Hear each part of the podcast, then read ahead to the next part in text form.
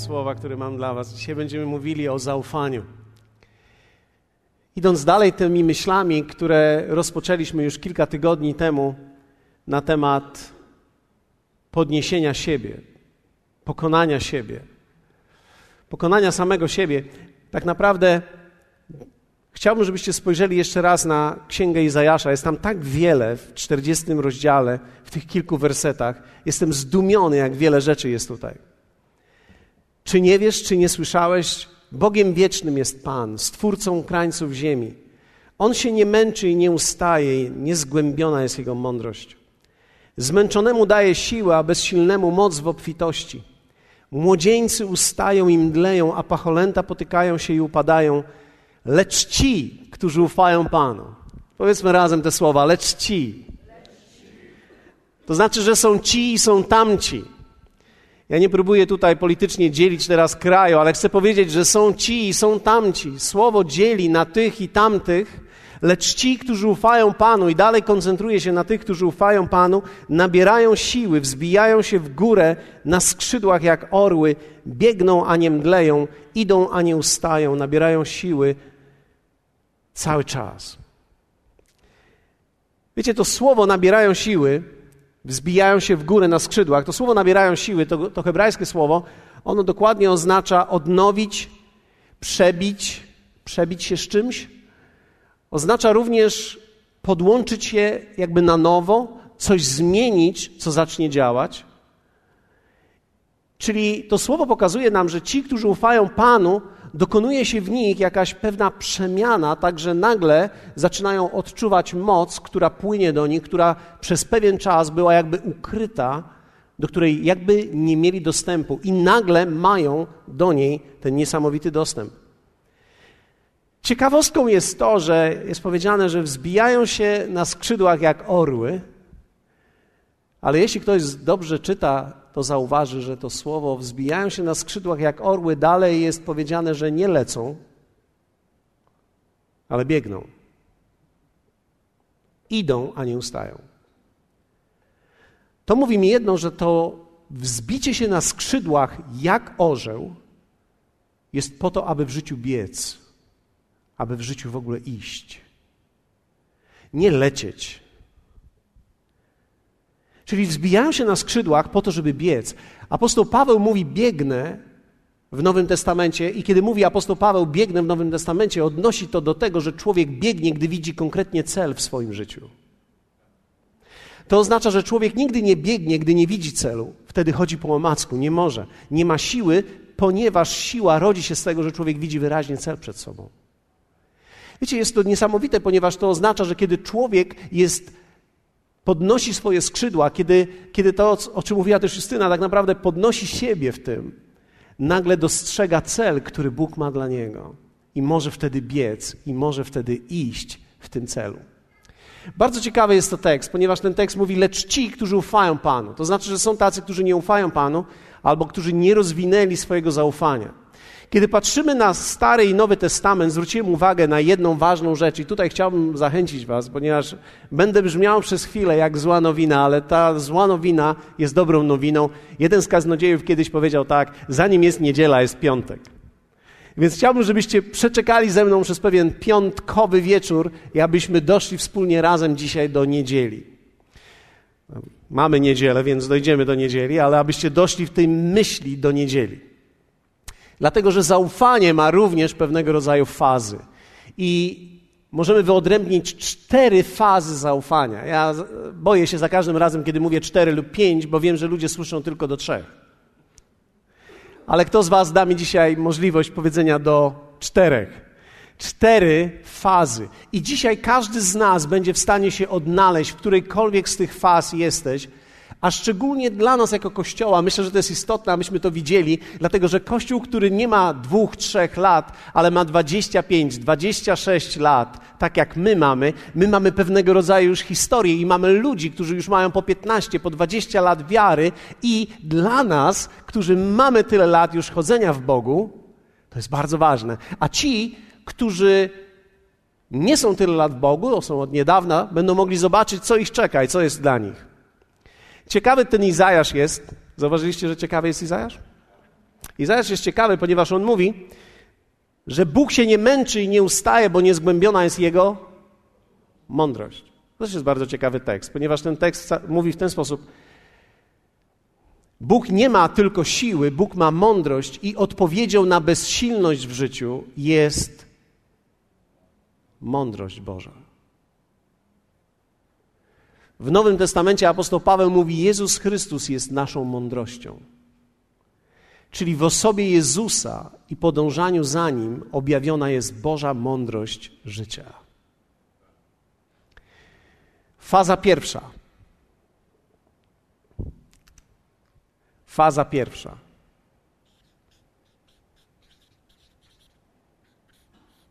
Nazywa się nadzieja. To jest wspaniała faza zaufanie. Kto z Was miał taki moment w swoim życiu, gdzie powierzyłeś siebie Bogu? To była jedna z pierwszych modlitw, którą mieliśmy, zanim oddaliśmy nasze życie Panu. To jest, Panie, ja jestem zmęczony sam już własnym życiem, ja jestem zmęczony myśleniem o sobie i o tym, jak to życie mam teraz wypełnić. I tak naprawdę często Bóg spotyka nas na dole naszego życia, ponieważ tak wiele rzeczy jest zawalonych i my mówimy do Niego: Panie, powierzam Ci wszystko. Oddaję Ci wszystko. To jest piękna modlitwa, to jest wspaniała modlitwa, to jest modlitwa, w której człowiek rodzi się na nowo, to jest faza nadziei, ponieważ w tym momencie człowiek oddaje wszystko Jezusowi. Pamiętam taką jeszcze starą piosenkę Wszystko Tobie oddać pragnę. Kto z Was pamięta? To jest piękna pieśń. To jest piękna pieśń. Tak w ogóle to jest pieśń ewangeliczna, która została zaadoptowana przez Kościół katolicki. Ale to jest też niesamowite, jak, jak w tym w tej nadziei, kiedy przychodzimy do Boga, każdy z nas zaczyna dokładnie w tym miejscu. Ja chcę Ci oddać, Panie, wszystko. Kto z Was jednak czuje pod skórą w tym, co mówię, że kiedy człowiek oddaje wszystko, to bardzo często nie wie, o czym mówi. To znaczy, mówi bo chcę i to pragnienie jest szczere, i my w dalszym ciągu, jeśli jesteś dzisiaj tutaj w tym miejscu, chcemy, że jeśli tego nigdy nie zrobiłeś, to jest moje pragnienie i nasze pragnienie, abyś oddał wszystko Jemu, aby był taki moment, kiedy powiesz: Ja o Tobie oddaję wszystko, Panie. Bo od tego się rozpoczyna, ale wszystko, kiedy my mówimy wszystko, my nie wiemy, co to znaczy tak naprawdę. My nie wiemy, co to znaczy wszystko, tak jak kiedy mówimy tak na ślubnym kobiercu, my nie wiemy, co to znaczy. My nie wiemy, ile będzie kosztowało nas to tak powiedziane raz. Czy bierzesz za żonę? Tak. Świadomość 0,0004 promila. Czy pragnienie było w tym? Tak. Czy jest w tym szczerość? Tak. Ale wiecie, szczerość nie jest trudna, gdy nie ma świadomości.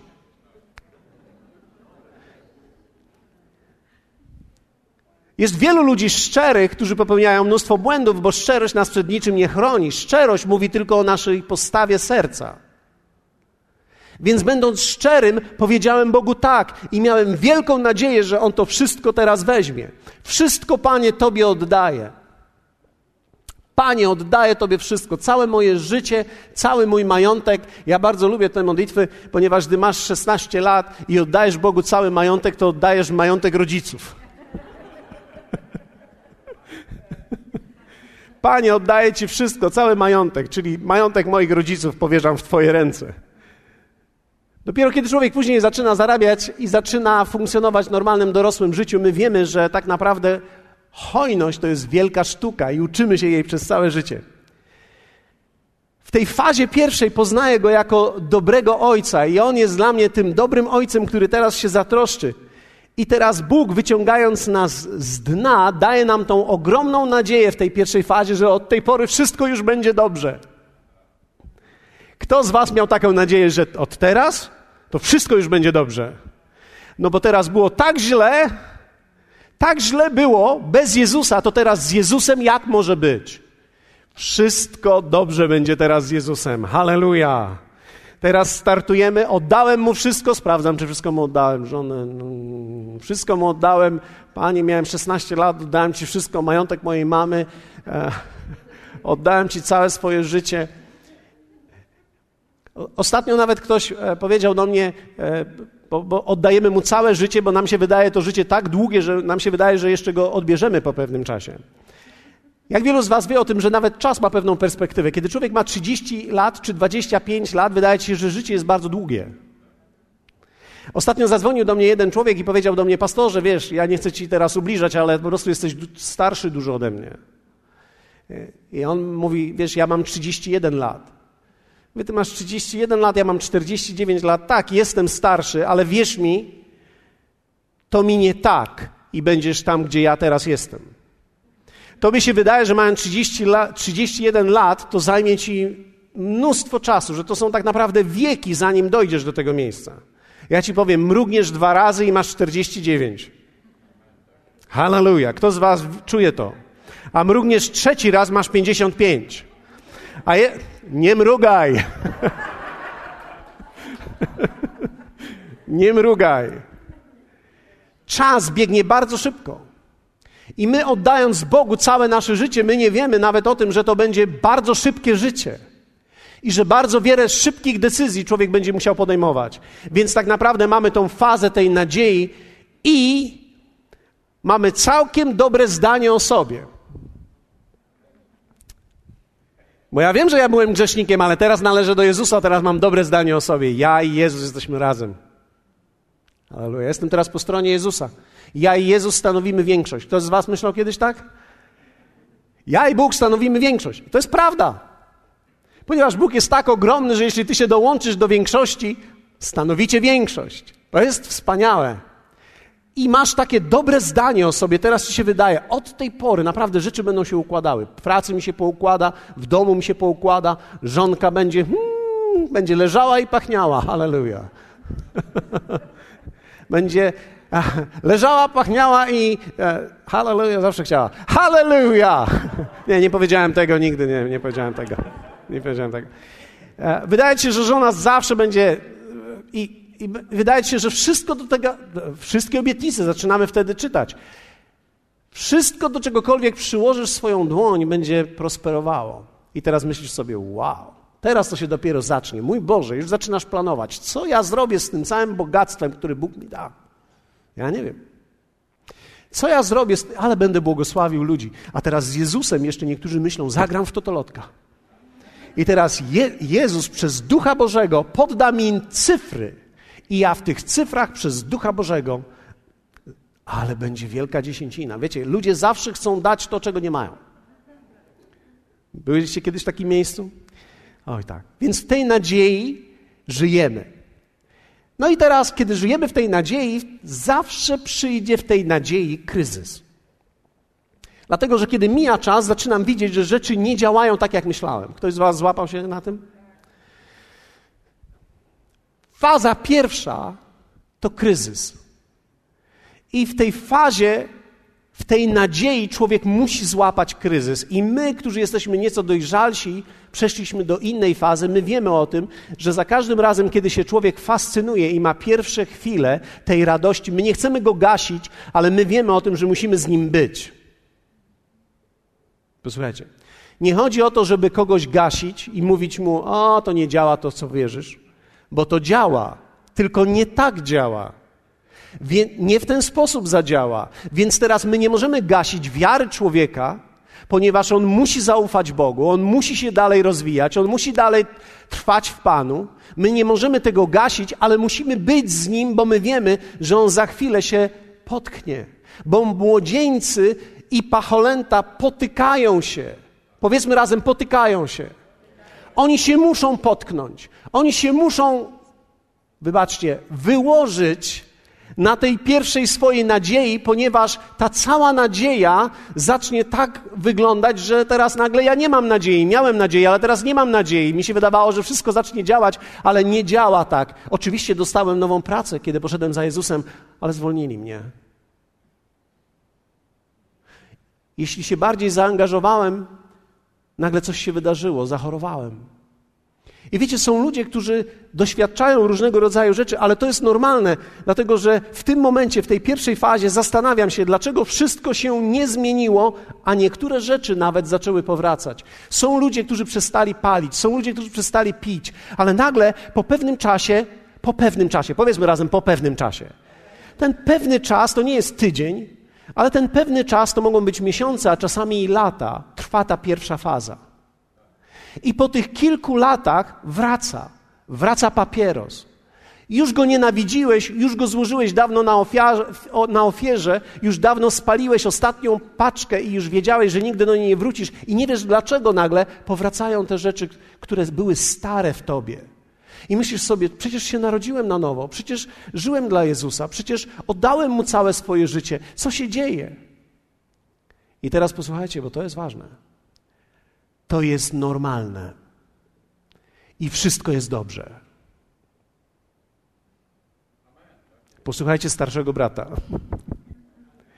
Wszystko jest dobrze i wszystko jest normalne, kryzys jest normalny, kryzys wiary w tym momencie jest normalny. Kiedy wszystko ci się sypie, to jest normalne. Kiedy, kiedy rzeczy, które, o które miałeś nadzieję, nie działają, to jest normalne. Człowiek musi w dalszym ciągu tylko podjąć właściwą decyzję. I wtedy człowiek wchodzi w tak zwaną fazę drugą. Faza druga. Zasady. Człowiek się nagle wtedy orientuje, że życie nie składa się tylko z powierzonej nadziei myśli, że teraz Panie oddaję Ci wszystko, wszystko Tobie oddać pragnę i oddaję Ci wszystko. Weź moją żonę, weź moje dzieci, weź moją pracę, Człowiek zaczyna się orientować, że a, Słowo Boże ma parę ksiąg. Jest 39 ksiąg Starego Testamentu i 27 ksiąg Nowego Testamentu, to znaczy, że po coś to zostało napisane. Zaczynam odkrywać, że są tam pewne zasady, zasady i prawa, pewne prawa i zasady, które były w Starym Testamencie i prawa i zasady również, które są w Nowym Testamencie. Więc człowiek zaczyna mieć wiarę w te zasady. A to gdy będę robił w ten sposób, to teraz to zadziała. Halleluja, złapałem to. Teraz jestem w fazie drugiej, powiedzmy faza druga. Złapałem zasady, złapałem pewne myśli i teraz już wiem, że pewne rzeczy zadziałają, że dając otrzymujemy, więc teraz będę dawał. Kto z Was miał taką fazę? Hallelujah. Dając otrzymujemy, więc ja teraz będę dawał. Okazując miłość, otrzymam ją z powrotem. Teraz to zadziała. Nie miałem do tej pory przyjaciół, ale pozapraszam ludzi do domu. Na pewno oni mnie zaproszą z powrotem. Więc zaczynasz zapraszać ludzi, zaczynasz robić listę i myślisz sobie, w tym tygodniu to będzie taka lista, i w tym tygodniu to będą ci ludzie, a w tym tygodniu już będą ci ludzie, a w tym tygodniu nikogo nie będzie, bo poczekam do wypłaty do następnego tygodnia i za dwa tygodnie ich zaproszę, ponieważ wtedy będzie mnie stać na to, żeby kupić kawałek sernika. I to, co jest najpiękniejsze w tym wszystkim, to jest rzeczywiście. Ktoś zaprosił ciebie. I ty po raz pierwszy idziesz. Nie miałeś do tej pory przyjaciół, byłeś samotny, idziesz do kogoś w końcu na obiad. Ktoś cię zaprosił na obiad, ktoś cię zaprosił na kawę, ktoś cię zaprosił do Emki na kawę, ktoś cię zaprosił do Atrium na kawę, ktoś cię zaprosił i zaczynasz się cieszyć tym, bo zaczynasz widzieć, że pewne zasady działają. Po raz pierwszy dałeś swoją ofiarę przełomu. Halleluja. Wiecie, i ten przełom to jest dla różnych ludzi przełom. Dałeś ofiarę przełomu i nagle coś się wydarzyło ponadnaturalnego i otrzymałeś ponadnaturalne błogosławieństwo. I myślisz sobie, już teraz wiem, jak to działa, już teraz wiem, że to działa. Zasady działają, hallelujah. Wtedy człowiek zaczyna innych pouczać i mówić: hmm, Widzę, że masz, nie radzisz sobie w życiu, myślę, że potrzebujesz jeszcze zrobić to czy tamto. Zaczynamy być pewni siebie, bo wydaje nam się, że życie z Panem to jest życie zasad i życie formuł. Więc zaczynamy żyć pewną formułą. Aleluja. Kto z Was był w tym miejscu? Zasady. Zaczynasz widzieć pierwsze owoce i pierwsze cuda. I po pewnym czasie niektóre zasady stają się formułą. Już nawet nie pytasz Pana, ile masz dać, zawsze dajesz tyle samo. Ktoś z Was był w tym miejscu? Nie, tylko jedna osoba. Okay. Już nawet nie pytasz Pana, co masz dać, tylko a, zawsze to daję To jest dobrze. Już przestajesz oczekiwać, zaczynają się zasady zamieniać w formuły. Wiecie, że chrześcijański język to jest najszybszy język do nauczenia? Polski jest podobno jednym z najtrudniejszych, ale chrześcijański jest chyba najszybszy. Człowiek trzy tygodnie jest chrześcijaninem i już wszystko wie. Zaczyna się muzyka, halleluja, już rączki w górę. Mm, ja już wiem, jak mam rączki podnosić. Już wiem, jak mam się kiwać i klaszczę nawet z innymi. Halleluja. I ktoś mnie pyta, co u ciebie słychać? Chwała Panu, aleluja, chwała Panu, aleluja. Co u ciebie? Jezus jest Panem, Jezus jest Panem, Jezus jest Królem, aleluja, amen. Amen. Amen? Amen. Amen? Wiecie, nam się wydaje, że jak my wplą, wplączemy aleluja i chwała Panu i amen do naszego normalnego języka, no to to już się nazywa chrześcijański język. Zaczynamy nawet znać niektóre fragmenty biblijne, więc zaczynamy je używać w stosunku do jakichś ludzi. I zaczynamy też ludzi pouczać. I ta faza jest piękna, ponieważ zaczynamy wierzyć, że te zasady działają i one rzeczywiście działają. Ale zaczyna się kryzys. Dlatego, że w tych formułach i w tych zasadach człowiek przestaje żyć z nim i dla niego. Człowiek zaczyna żyć dla formuł i dla zasad. No, jeśli chodzi o finanse, to jest bardzo prosta sprawa. Wystarczy tylko, że będziesz dawał i będziesz miał. Naprawdę? Jezus powiedział takie słowa do faryzeuszów: Studiujecie pismo, bo myślicie, że w nich jest życie, ale do mnie przyjść nie chcecie. Inaczej mówiąc, człowiek ma taką fazę w życiu, że chce się wszystko dowiedzieć, żeby zadziałało dla niego. Ale nie chce być z Panem. Tymczasem Jezus zbawił cię nie dla zasad, Jezus zbawił cię nie dlatego, żeby ci się tylko dobrze wiodło, Jezus zbawił cię dla siebie. Jezus zbawił ciebie i Ojciec przyciągnął ciebie, bo chciał być z tobą. On pragnął ciebie. On pragnął Ciebie, ale Ty się nie zorientowałeś i użyłeś Jego miłość dla swojego własnego dobra, więc pomyślałeś sobie, wow, jeśli to wymaga zasad, ja się tych zasad nauczę, ja będę żył tymi zasadami na pewno wszystko od tej pory będzie działało dobrze. Ale przychodzi kryzys. Niektóre rzeczy działają, ale przestają mnie cieszyć. Zanika wdzięczność. Niektórzy z Was usłyszeli to świadectwo dzisiaj i być może miałeś taki, taką myśl, no i co z tego? Dziesięć lat temu, gdybyś się dowiedział, że Jezus tak zadziałał, to byś skakał w miejscu tym, nagrywałbyś to, robiłbyś, nie, nie wiem co byś zrobił, żeby okazać wdzięczność i radość. Ale po pewnym czasie, zwróćcie uwagę, że po pewnym czasie nawet cuda nie robią na nas wrażenia. A, kolejny cud. Okej. Okay. A teraz będziemy wielbili Pana, bo On nas zbawił. A, no dobrze. No przecież, że nas zbawił. No co w tym takiego wielkiego? No przecież zbawił nas, no jesteśmy tutaj, pastorze, o co chodzi? Czy zauważyliście, jak bardzo łatwo jest odłączyć prawdę od świadomości? I jak łatwo prawda i pewna zasada może przestać wpływać na moje serce? Zaczynam żyć w pewnego rodzaju dystansie. To się zdarza nie tylko względem Boga, to się zdarza względem ludzi również. Przychodzę do kościoła i kiedyś, gdy kogoś zobaczyłem, wow, jesteś tutaj. Teraz, a, no, że jesteś normalny, zawsze tu jesteś. A, cześć. No, cześć Tobie też, cześć. I cześć Tobie, i cześć Tobie. Już nawet ludzie Cię przestają ekscytować. A ja sobie pooglądam online. Na kogo mam patrzeć? Przecież nie na ludzi będę patrzył. Zresztą dla, dla ludzi się do kościoła nie przychodzi, tylko dla Boga się przychodzi. Naprawdę? Dla Boga to w ogóle nigdzie nie trzeba chodzić. Zauważyłeś to? Czy zauważyłeś, że Kościół jest po to, aby wspólnie ludzie mogli doświadczyć Boga, a nie żeby ludzie doświadczyli Boga? Ludzie doświadczyć Boga mogą bez Kościoła, ale nie można doświadczyć wspólnie Boga bez Kościoła.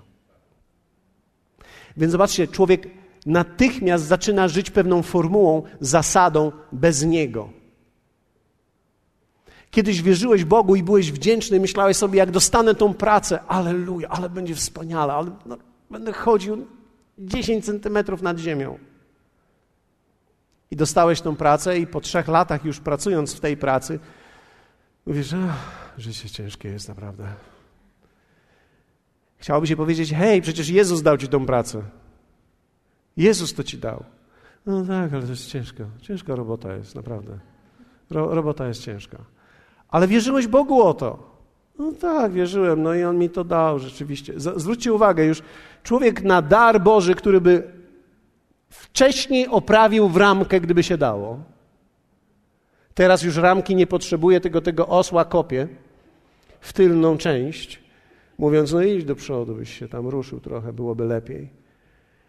My łatwo odchodzimy od zasad, od Boga w imię zasad i formuł. Więc nawet nie ekscytujemy się już Kościołem. Wcześniej każde przyjście do kościoła, kto z Was jest tutaj w kościele od kilku miesięcy i ekscytuje się za każdym razem, kiedy ma tu przyjść? Jedna osoba, dwie. Okej, okay, dobrze.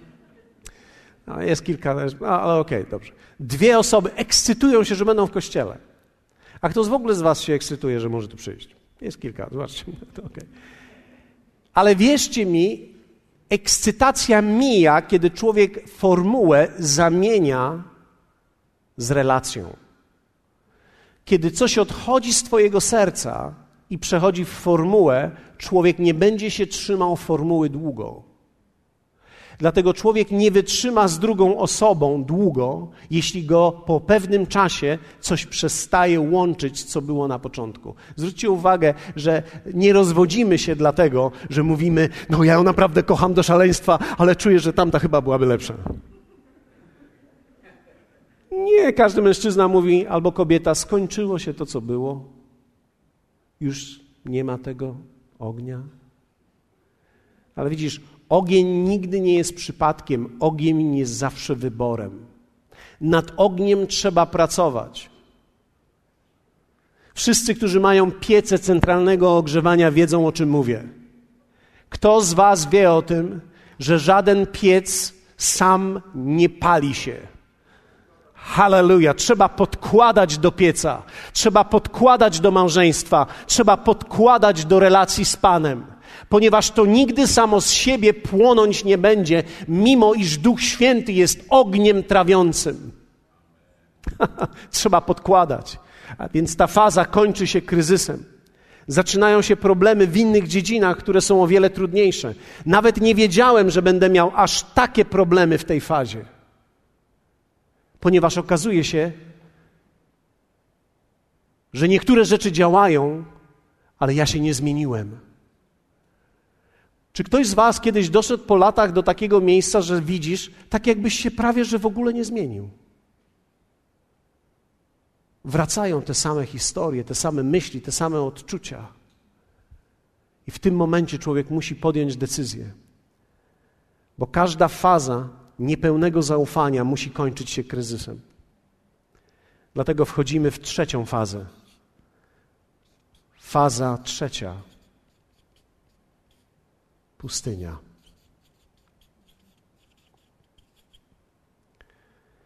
Człowiek przestaje funkcjonować w zasadach, zaczynają ci zasady, zasady zaczynają cię mierzić. Denerwuje cię to. Człowiek odkrywa, gdy go zasady denerwują, zaczyna odkrywać coś takiego. No, nie trzeba chodzić do kościoła, żeby być z Panem. Nie muszę dawać, żeby Pan mnie kochał. Pan mnie kocha tak bardzo, że nic nie muszę robić. I, I, człowiek myśli, że Eurekę odkrył. Bóg mnie kocha naprawdę bardzo, nic nie muszę robić. Ale Edi powiedziała to fantastycznie. Andrew Womack powiedział to. Że kiedy przestaniesz czytać Słowo, Bóg nie przestanie Ciebie kochać, ale Ty przestaniesz kochać Boga. Więc kiedy my przestajemy żyć i coś robić, Bóg i Jego postawa względem nas się nie zmienia, ale my się zmieniamy, nasza postawa się zmienia i wchodzimy na pustynię. Posłuchajcie mnie.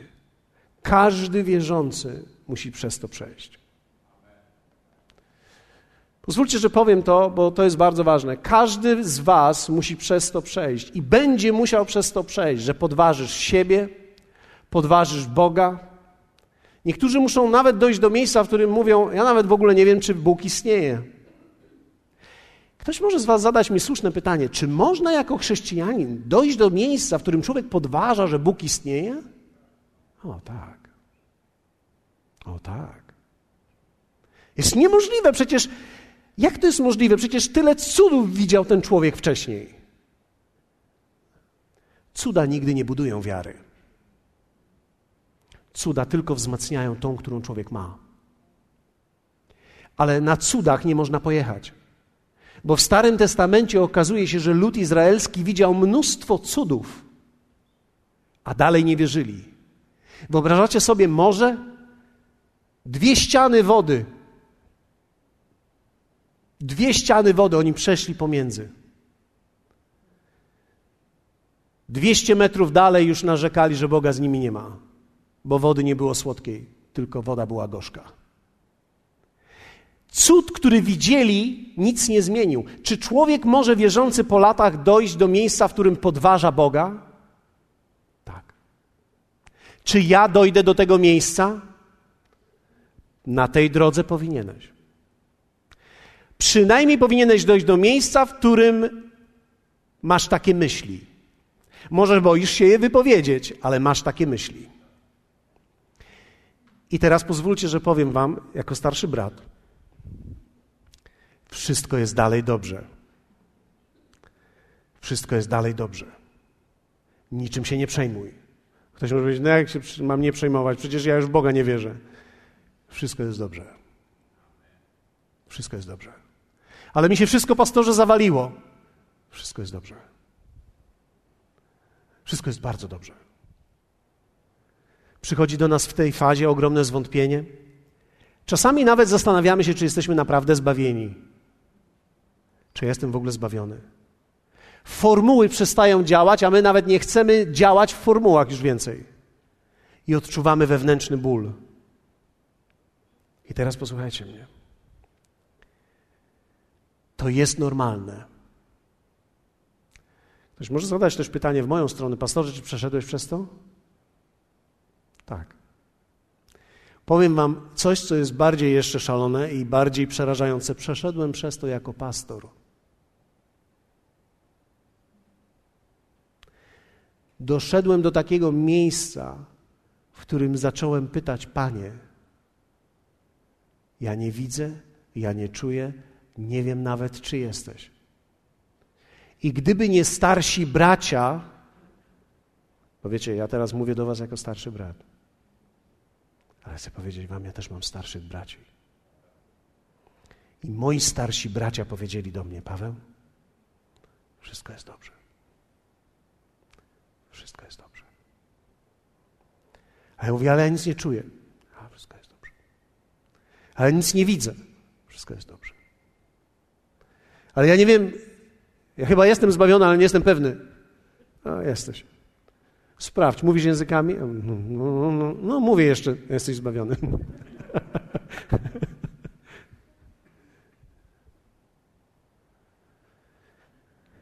Ale tutaj, w tym miejscu, człowiek podejmuje największą decyzję. Za każdym razem człowiek musi podjąć decyzję. Kiedy w tej nadziei pierwszej kończy ci się nadzieja i zaczynasz widzieć, że nie wszystko działa tak, jak myślałeś, musisz podjąć decyzję, pójdę za tobą. Wtedy, kiedy przestają działać zasady i zamieniasz zasady na formuły, musisz powiedzieć: Panie, ja, ja, ja nie wiem, co działa, co nie działa. Ja wcześniej dawałem i miałem, a teraz daję więcej i mam gorzej. Nie działają te formuły. Musisz podjąć decyzję, idę dalej za Tobą. Tylko, że wiecie, w tym miejscu i w tym miejscu człowiek zaczyna podejmować inne decyzje. Tutaj podejmuję decyzję ze względu na moje życie, ale będzie mi dobrze. Aleluja. Pan mnie wyrwał, Pan mnie wziął. Pan mnie wyrwał z, na zagłady, teraz będzie wszystko dobrze. Tutaj podejmujemy decyzję ze względu na siebie. Ale tutaj zaczynamy przechylać szale tych decyzji ze względu na Niego. I Ty przestajesz się liczyć i zaczynasz mówić: zasady może nie działają, ale ja będę służył Panu. Pewne rzeczy nie działają i jest gorzej, ale ja będę służył Panu. Panie, ja nie wiem o co chodzi, ale ja pójdę dalej za Tobą. Panie, ja nie rozumiem tego, co się dzieje w moim życiu, ale ja dalej pójdę. Wezmę moje ciało i pójdę w niedzielę do kościoła. Ktoś ostatnio mnie zapytał, pastorze, ty biegasz, lubisz tak biegać na tej bieżni, lubisz biegać? I ja mówię, nie, ale wiesz co robię? Kładę moje ciało na bieżni i włączam start. A ono sobie musi poradzić. Ono się po prostu musi rozbiegać. Ja nigdy nie byłem fascynatem dyscypliny, ale ja chcę coś w życiu. Ponieważ chcę coś w życiu, kładę się na bieżni i wciskam start.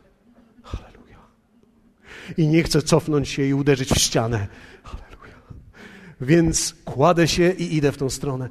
Tak samo też jest w chrześcijańskim życiu. Są pewne rzeczy, które nie działają. Czy, czy ja kocham te zasady? Był taki moment, że nie kochałem tych zasad. Był taki moment, że przestałem w nie wierzyć. Był taki moment, że podważałem, że mówiłem, ja nic nie rozumiem, nie znam nikogo, kto rozumie. Ale mówiłem, ale się położę na tej bieżni za Panem i wcisnę start. Ja już go wcześniej wcisnąłem, ale muszę ciągle wciskać, bo człowiek, gdy podjął raz decyzję, to jest za mało. Człowiek musi podejmować wiele decyzji. Raz podjąłem decyzję, ale codziennie muszę ją podejmować i codziennie podejmować. Posłuchajcie mnie, żaden człowiek nie przeżyje właściwie, gdy myśli o decyzji, którą podjął dwadzieścia parę lat temu. Człowiek musi podjąć decyzję dzisiaj, dzisiaj, dzisiaj ja muszę podjąć decyzję pójścia za Bogiem, dzisiaj muszę podjąć decyzję, że Jemu zaufam. To nie jest to, że podjąłem kiedyś, dzisiaj muszę Jemu zaufać. I w tym kryzysie odkryłem taką rzecz na tej pustyni. W pierwszym Koryntian apostoł Paweł opisuje to tak. I chcę, bracia, abyście dobrze wiedzieli. Wiecie, starszy brat mówi do młodszych braci, że ojcowie nasi wszyscy byli pod obłokiem i wszyscy przez morze przeszli. Inaczej mówiąc, wszyscy byli ochrzczeni i wszyscy się nawrócili. Chcę, żebyście wiedzieli. I wszyscy w Mojżesza ochrzczeni zostali w obłoku i w morzu, i wszyscy ten sam pokarm duchowy jedli, czyli chodzili na te same nabożeństwa i słuchali tego samego słowa. I wszyscy ten sam duchowy napój pili, pili bowiem z duchowej skały, która im towarzyszyła, a skałą tą był Chrystus. Sam Chrystus był razem z nimi. I teraz werset piąty. Lecz większości z nich nie upodobał sobie Bóg. Ciała ich bowiem zaległy, zas, zasłały pustynię. Pomarli na pustyni. A to stało się dla nas wzorem, ostrzegającym nas, abyśmy złych rzeczy nie pożądali, jak tamci pożądali. Posłuchajcie, bo to jest ważne. Przybliżcie się do mnie. Ci, którzy są tam za tych laptopami, komórkami, podejdźcie bliżej. Rzeczy, których człowiek nie wie na początku, gdy ma fazę pierwszą, drugą i wchodzi w trzecią. To jest coś, czego człowiek nie wie świadomie. To jest to, że przychodzi do Boga ze względu na siebie i użyje Boga ze względu na siebie. Ja nie wiedziałem o tym, że ja chciałem, żeby mi pomógł i żeby zrobił to, co ja chcę. Bo człowiek w konsekwencji gdzieś musi się rozejść na dwóch drogach. Jedna to jest droga Jego pragnień, i druga to jest droga Twoich pragnień. To właśnie na pustyni człowiek zadaje pytania: a co z moim życiem? A co ze mną? Tyle lat służyłem i co? Człowiek zaczyna podsumowywać niewłaściwe rzeczy. Diabeł zaczyna przychodzić do Twojego serca i zaczyna Ci mówić: Jeśli teraz pójdziesz dalej tą drogą, to rzeczy, które Ty masz w sercu, się nigdy nie wydarzą. A przecież nikt nie spełni marzeń, tylko Ty musisz je spełnić. Dlatego też na pustyni są głosy pod tytułem Wracajmy do Egiptu. To właśnie na pustyni człowiek mówi: A muszę zająć się moim własnym życiem, życie mija tak szybko, a co ze mną? Dlatego człowiek może żyć 20, 30 lat z jedną kobietą i nagle zada pytanie: 30 lat z nią jestem i co z tego mam? Co ze mną, z moimi pragnieniami, z moimi marzeniami? I zaczyna szukać. Może jest jakaś, która pomacha mi chusteczką i powie: Ja, ja będę tą dla ciebie. Ja będę tą. Co chcesz, to zrobię. W co chcesz, się ubiorę. Będę taka, jak ty chcesz.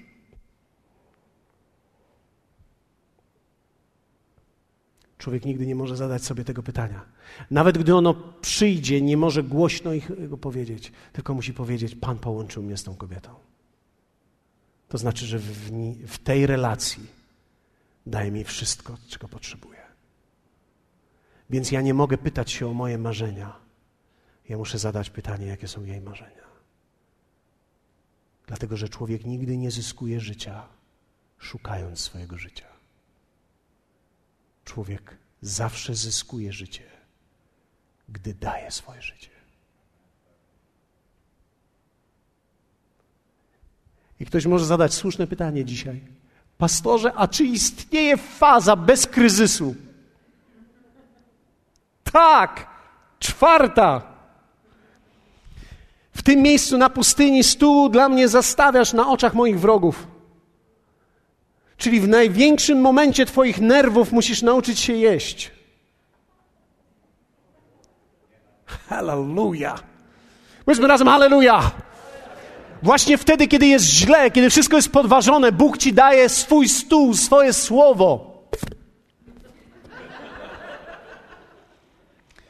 I On powie: konsumuj teraz. Nie jesteś jedynym, który ma jeść w czasie tej doliny ciemności. W trudnym momencie w Starym Testamencie prorok również musiał zjeść. Gdy się bał bardzo, Bóg przyszedł do niego i dał mu placek z rodzynkami. Taki placek z rodzynkami już był w Starym Testamencie? O tak! Dlatego, że chodzi o to, żebyś jadł, posilał się i od czasu do czasu natrafił na coś, mm, co jest takie fajne i słodkie. Ktoś z Was lubi lody bakaliowe? O! Kiedy człowiek natrafi na rodzynkę w cieście. Ja się zastanawiam, dlaczego ciasto drożdżowe nie jest całe w rodzynkach. Dlaczego muszą być rodzynki wsypane, a nie są same rodzynki? No pewnie wtedy nie smakowałoby aż tak, ale kiedy człowiek dostanie ciasto z rodzynkami na gęsto, to w tym momencie człowiek w tym lęku zaczynasz posilać siebie. I jest faza czwarta.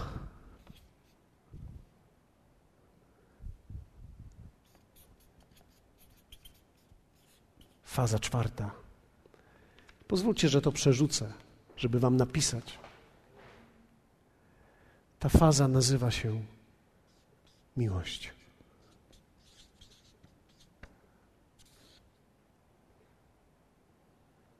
I tu się odrywasz od grawitacji.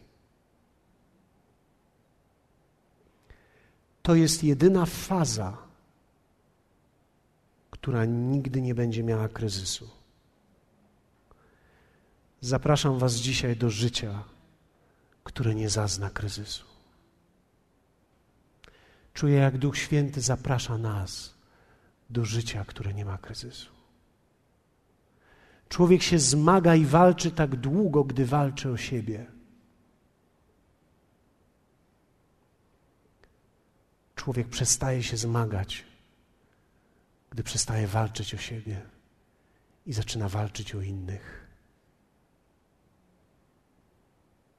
Zapominasz o sobie i wchodzisz w miejsce, w którym jest wolność.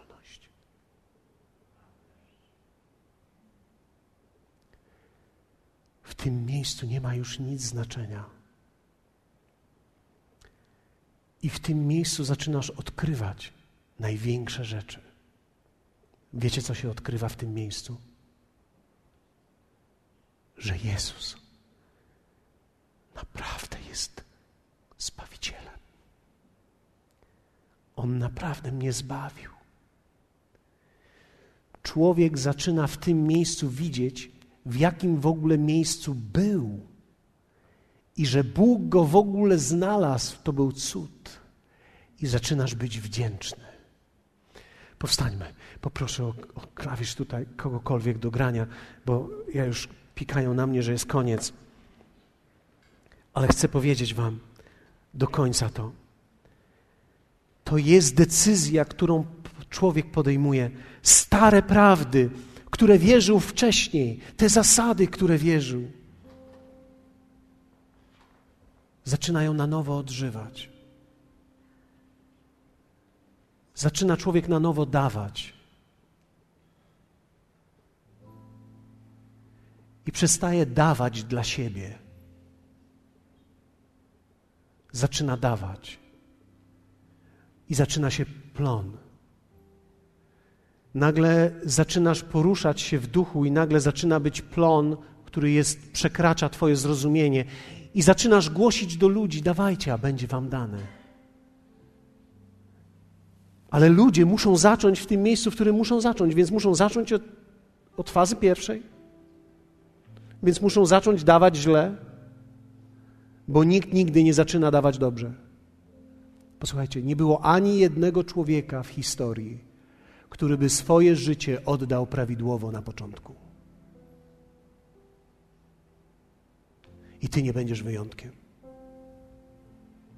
Ale kiedy jesteś w tym miejscu całkowitego zwątpienia i całkowitej utraty wiary w siebie, w zasady, chcę Ci powiedzieć, że wszystko jest dobrze, bo w tym miejscu kończysz się Ty, On się może zacząć.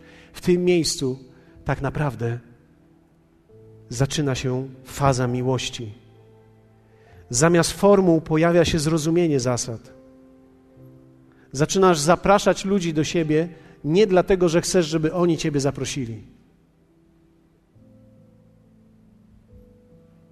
Tylko dlatego, że po prostu kochasz ludzi. I nawet gdy nigdy Cię nie zaproszą, nie masz z tym problemu żadnego. Ale wtedy ku Twojemu zdziwieniu dostajesz tyle zaproszeń od innych ludzi, że nie wiesz, co z tym zrobić. Bo zaczyna nagle zasada być życiem, a nie formułą. I zaczynasz się w tym poruszać. Kto z Was chce wejść w tą fazę? Fazę, w której nie ma już kryzysu. Fazę, w której jesteś jak On i Jego natura. On się nie męczy i nie ustaje. Ja wierzę w to, że Bóg wzbudza tutaj wierzących w wodzie życia i w całym kraju Ludzi, którzy dotrą do tej fazy, do fazy miłości, gdzie będą tymi, którzy nie upadają i nie ustają, którzy idą i się nie męczą, którzy się wzbijają na skrzydłach jak orły. Nigdy nie rozumiałem tego tekstu, ale dzisiaj rano nagle do, doświadczyłem tego. Jest powiedziane w słowie: Umiłował swoich, umiłowawszy swoich, do końca ich umiłował. Taki prosty tekst. Mowa jest o Jezusie, że umiłował. Wszyscy wiedzą, że Jezus umiłował. Ale to jest trochę tak, jakby się w miłości każdy człowiek przez jakiś czas może nawet zmęczyć. Jeśli jest tym, który ciągle daje, daje, daje, daje, daje, daje. Ale Jezus nie podsumował tego. I jest powiedziane, do końca ich umiłował. Czyli tak naprawdę podjął na końcu decyzję. Nie chodzi o mnie, chodzi o nich. I Jezus, kiedy szedł na krzyż, kiedy był w ogrodzie, dokładnie w tym ogrodzie myślał o tym. A co z moim życiem? Ojcze, jeśli to jest możliwe, odsuń to. I nagle powiedział: Nie chodzi o mnie. Przecież ja nie przyszedłem na ten świat dla mnie. Przecież nie przyszedłem na ten, na ten świat dla mojej mamy i dla Józefa. Nie przyszedłem na ten, na ten świat dla moich przyjaciół. Ja przyszedłem na ten świat, aby zbawić tych ludzi. Więc idę i niech się dzieje Twoja wola, nie moja.